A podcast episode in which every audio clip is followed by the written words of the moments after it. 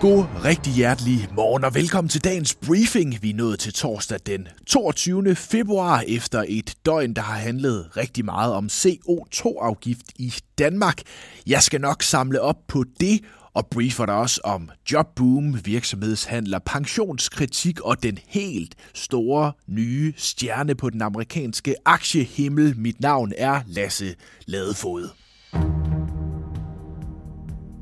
Som lovede lige en opsamling på den helt store historie i Danmark det seneste døgn, nemlig det forslag til en CO2-afgift på landbruget, som en ekspertgruppe kom med onsdag. Økonomiprofessor Michael Svare og hans gruppe har præsenteret et øh, bud på en ganske historisk øh, afgift. De har grundlæggende tre forslag.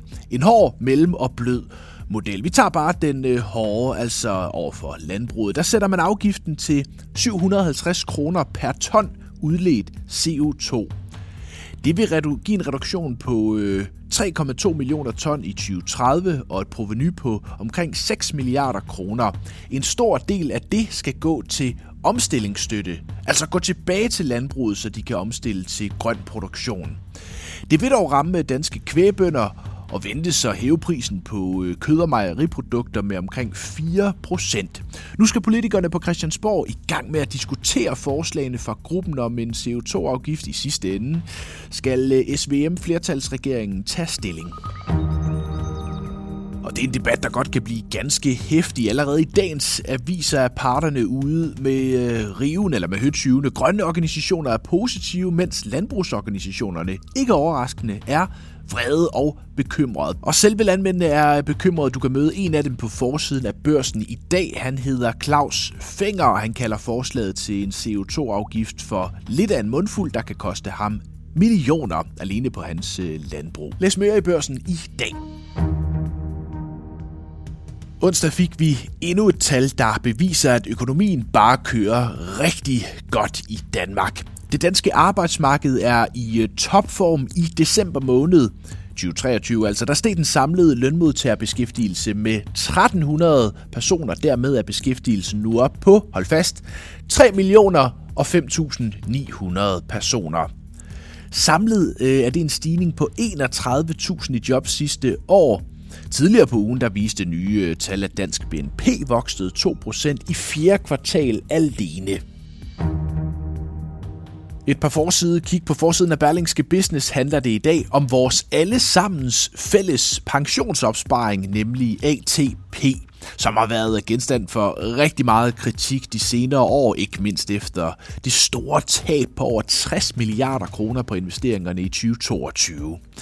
Jesper Rangved, CBS-professor, han har i mange år været kritiker af ATP og den måde, man investerer på.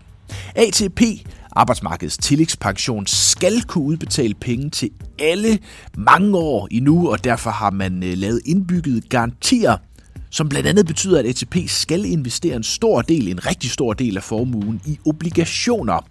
Det kan give et øh, stabilt afkast, men det kan også koste rigtig dyrt i visse år, som det gjorde øh, i særdeleshed i 2022. Og generelt kan det være med til, at ATP halter langt efter andre investorer. Derfor er der et stort behov for at gentænke pensionskassen og sætte ATP fri, øh, siger Jesper Rangved til Berlingske. Hos Jyllandsposten Finans handler tophistorien om virksomhedshandler. Efter to år med et stort set fastfrosset marked, hvor der ikke rigtig er blevet handlet øh, virksomheder på den store klinge, så håber man hos kapitalfondene, at der igen kommer gang i den i år. Det er de høje renter og inflationen, der har været med til at gøre det svært for købere og sælgere at blive enige om, hvad man egentlig skal betale for en given virksomhed. Men det håber man øh, hos øh, kapitalfondene EQT og Nordic Capital kommer til at udjævne sig i år, så der igen kommer hul på øh, ketchupflasken. Sådan lyder det over for Finans. I internationale finansmedier går snakken fortsat flittigt på, hvornår USA's centralbank kommer til at sænke renten fra de nuværende 5,5 procent. Det højeste niveau i øh, 23 år, som Federal Reserve er kommet op på for at slå inflationen ned. Nu er inflationen faldet næsten ned til normale øh, niveauer i USA, men alligevel er flere medlemmer af Federal Reserves centrale komité ganske varsomme i forhold til at sænke renten. Det fremgår af et referat fra det seneste centralbankmøde, som blev øh, publiceret i går. Medlemmerne af centralbanken er bekymret for, at man sænker renten lige inden inflationen står over for at potentielt kunne øh, blusse op igen, fordi der er så godt gang i økonomien, og lønstigningerne har været så stærke. Derfor vil man hellere se tiden Andet det skriver blandt andet Financial Times. Og så til et meget ventet regnskab på Wall Street. Den amerikanske chipkæmpe Nvidia kunne i aftes leve op til de høje forventninger. Efter børslukketid præsenterede Nvidia sit regnskab for 4. kvartal 2023. Det viste en salgsvækst på 265 procent i forhold til samme kvartal sidste år. Indtjeningen steg 7 100%. Det er det store boom i kunstig intelligens, der har været med til at drive salget i Nvidia. Deres chips bliver øh, brugt i rigtig mange øh, kunstig intelligens enheder, og i det kommende kvartal venter man også en stor salgsvækst. Aktien den steg med 10% i eftermarkedet. Det kan være med til at trække hele markedet i øh, USA op i dag. Og efter et par års himmelflugt er Nvidia et af de mest værdifulde selskaber i verden nu.